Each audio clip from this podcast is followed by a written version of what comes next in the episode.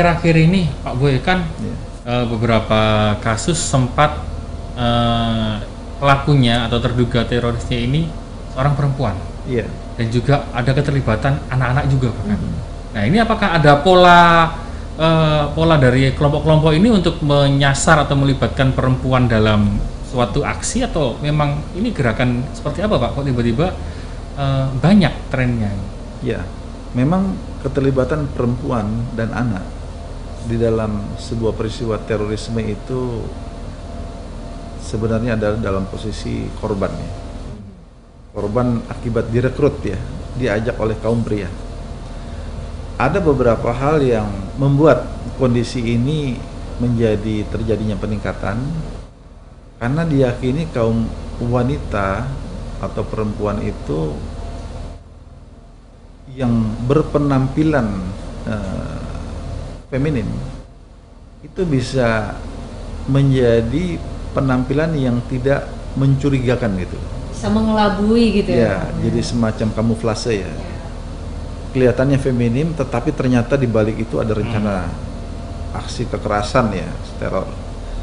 Jadi lebih kepada pemanfaatan untuk mengelabui pihak lain sehingga orang tidak menduga dan anak juga akibat diajak saya yakin tentu dengan keterbatasan uh, pengetahuan dan daya pikir anak itu adalah akibat dari pemikiran keras pemikiran intoleran pemikiran yang dipahami oleh orang tua sehingga dia seolah-olah mengajak keluarganya untuk ikut dalam dalam tanda petik perjuangan yang yang terkait ya.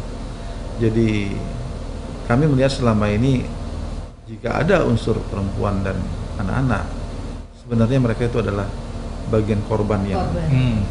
akibat dari pemikiran-pemikiran yang dikembangkan oleh kaum pria utamanya terutama dalam mengembangkan semangat radikal intoleran mengarah kepada radikal terorisme.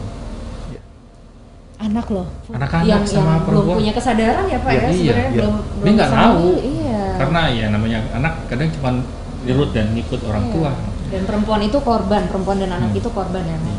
Kalau di dunia global sendiri, Pak Boy, bahwa Indonesia ini apakah memang sengaja ditarget oleh kelompok itu menjadi sasaran empuk atau memang sebenarnya negara lain juga eh, Merasakan hal yang sama merasakan hal yang sama gitu? Iya. Eh, Indonesia tentu termasuk dianggap sebagai target yang potensial. Hmm. Ya. Eh, terutama adalah mereka yang berlatar belakang organisasi ISIS ya. Karena ISIS merupakan organisasi yang didirikan oleh ex petinggi organisasi Al-Qaeda yang mereka melihat negara Indonesia termasuk negara potensial untuk mereka memperoleh dukungan karena kita tahu bahwa negara kita termasuk tentunya mayoritas adalah beragama Islam menurut mereka dengan menjual narasi Agama. teks agama mereka akan mendapatkan dukungan Nah ngomong-ngomong juga deh. Hmm. Aku dengar info juga bahwa bahkan ada dalam tanda kutip plat merah yang yang terkontaminasi ya Pak ya, terpapar dengan paham tersebut. Bagaimana sih Pak ceritanya? Maksudnya kan eh, salah seorang pelayan masyarakat ternyata ada juga yang bisa terpapar gitu Pak. Iya, memang ini tidak mengenal status sosial ya, tidak mengenal usia, walaupun dominan dari kalangan muda, tidak mengenal juga agama, etnis ya, karena mereka-mereka yang mengabdi di lingkungan eh, kementerian lembaga itu juga berpotensi terpapar dan selama ini kita telah ada semacam surat keputusan bersama di antara kementerian yang ada. Ada 11 kementerian yang sudah memiliki kesepakatan dalam penanganan ya di lingkungan eh, kerja kita masing-masing ada mekanisme yang telah ditetapkan ada proses penegakan hukumnya, ada proses mitigasi yang harus kita lakukan, yang tentunya kita harus intinya waspada. Bukan berarti yang bekerja di sektor pemerintahan pun bersih ya dari pengaruh virus radikal intoleran, tetapi kita juga harus waspada dan mengingatkan dan mengedepankan langkah-langkah pencegahan agar jangan sampai ternyata terjadi proses pengembangan pengembangan pemikiran yang mengarah kepada radikal intoleran. Jadi oleh karenanya proses mitigasi ini wajib dilaksanakan oleh unsur-unsur pimpinan kementerian lembaga sehingga fokus juga terhadap pembinaan sumber daya manusia yang ada di masing-masing institusi.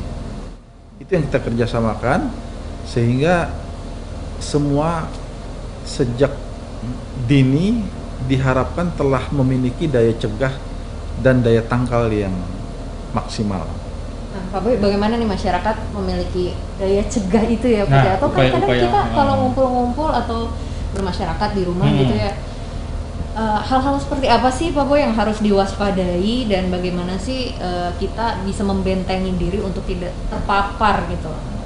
Paham radikal intoleran ini umumnya dia kecenderungannya menyalahkan pihak yang tidak sepaham dengan tidak se memiliki keyakinan yang sama dengan mereka. Mereka kecenderungannya itu istilahnya ada yang disebut juga mengandung paham eh, takfiri ya. Dengan mudah eh, katakanlah memberikan stigma atau label sebagai kelompok orang kafir dan sebagainya. Itu adalah benih-benihnya. Benih-benih. Uh, kalau ada sikap perilaku seperti itu berarti karakter dari yang terkait adalah mengembangkan pemikiran yang uh, radikal intoleran. Dari sana bisa mengembangkan sebuah semangat uh, permusuhan yang dilandaskan perbedaannya. Jadi semangat membenci, Dimulai dari itu ya, Pak. Mulai dengan ucapan ujaran kebencian ya. Jadi mungkin eh, istilahnya rambu-rambunya di sana. Dari mulai narasi-narasi yang dikembangkan. Baru terlihat nanti perilaku tindakannya dan sebagainya. Kalau penampilan fisik tidak ada jaminannya.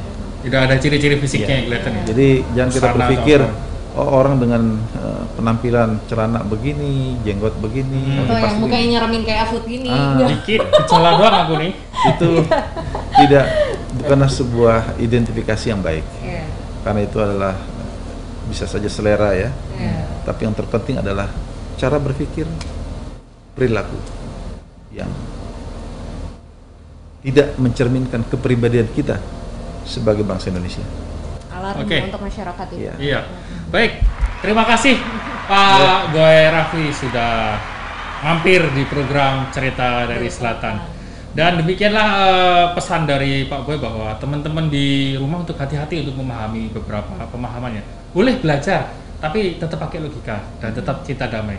Dan saksikan terus podcast Antara dan berita baik Antara di mana aja dulu? Di antaranews.com dan jangan lupa untuk subscribe channel YouTube Antara TV Indonesia. Kita bertemu di episode selanjutnya. Sampai jumpa.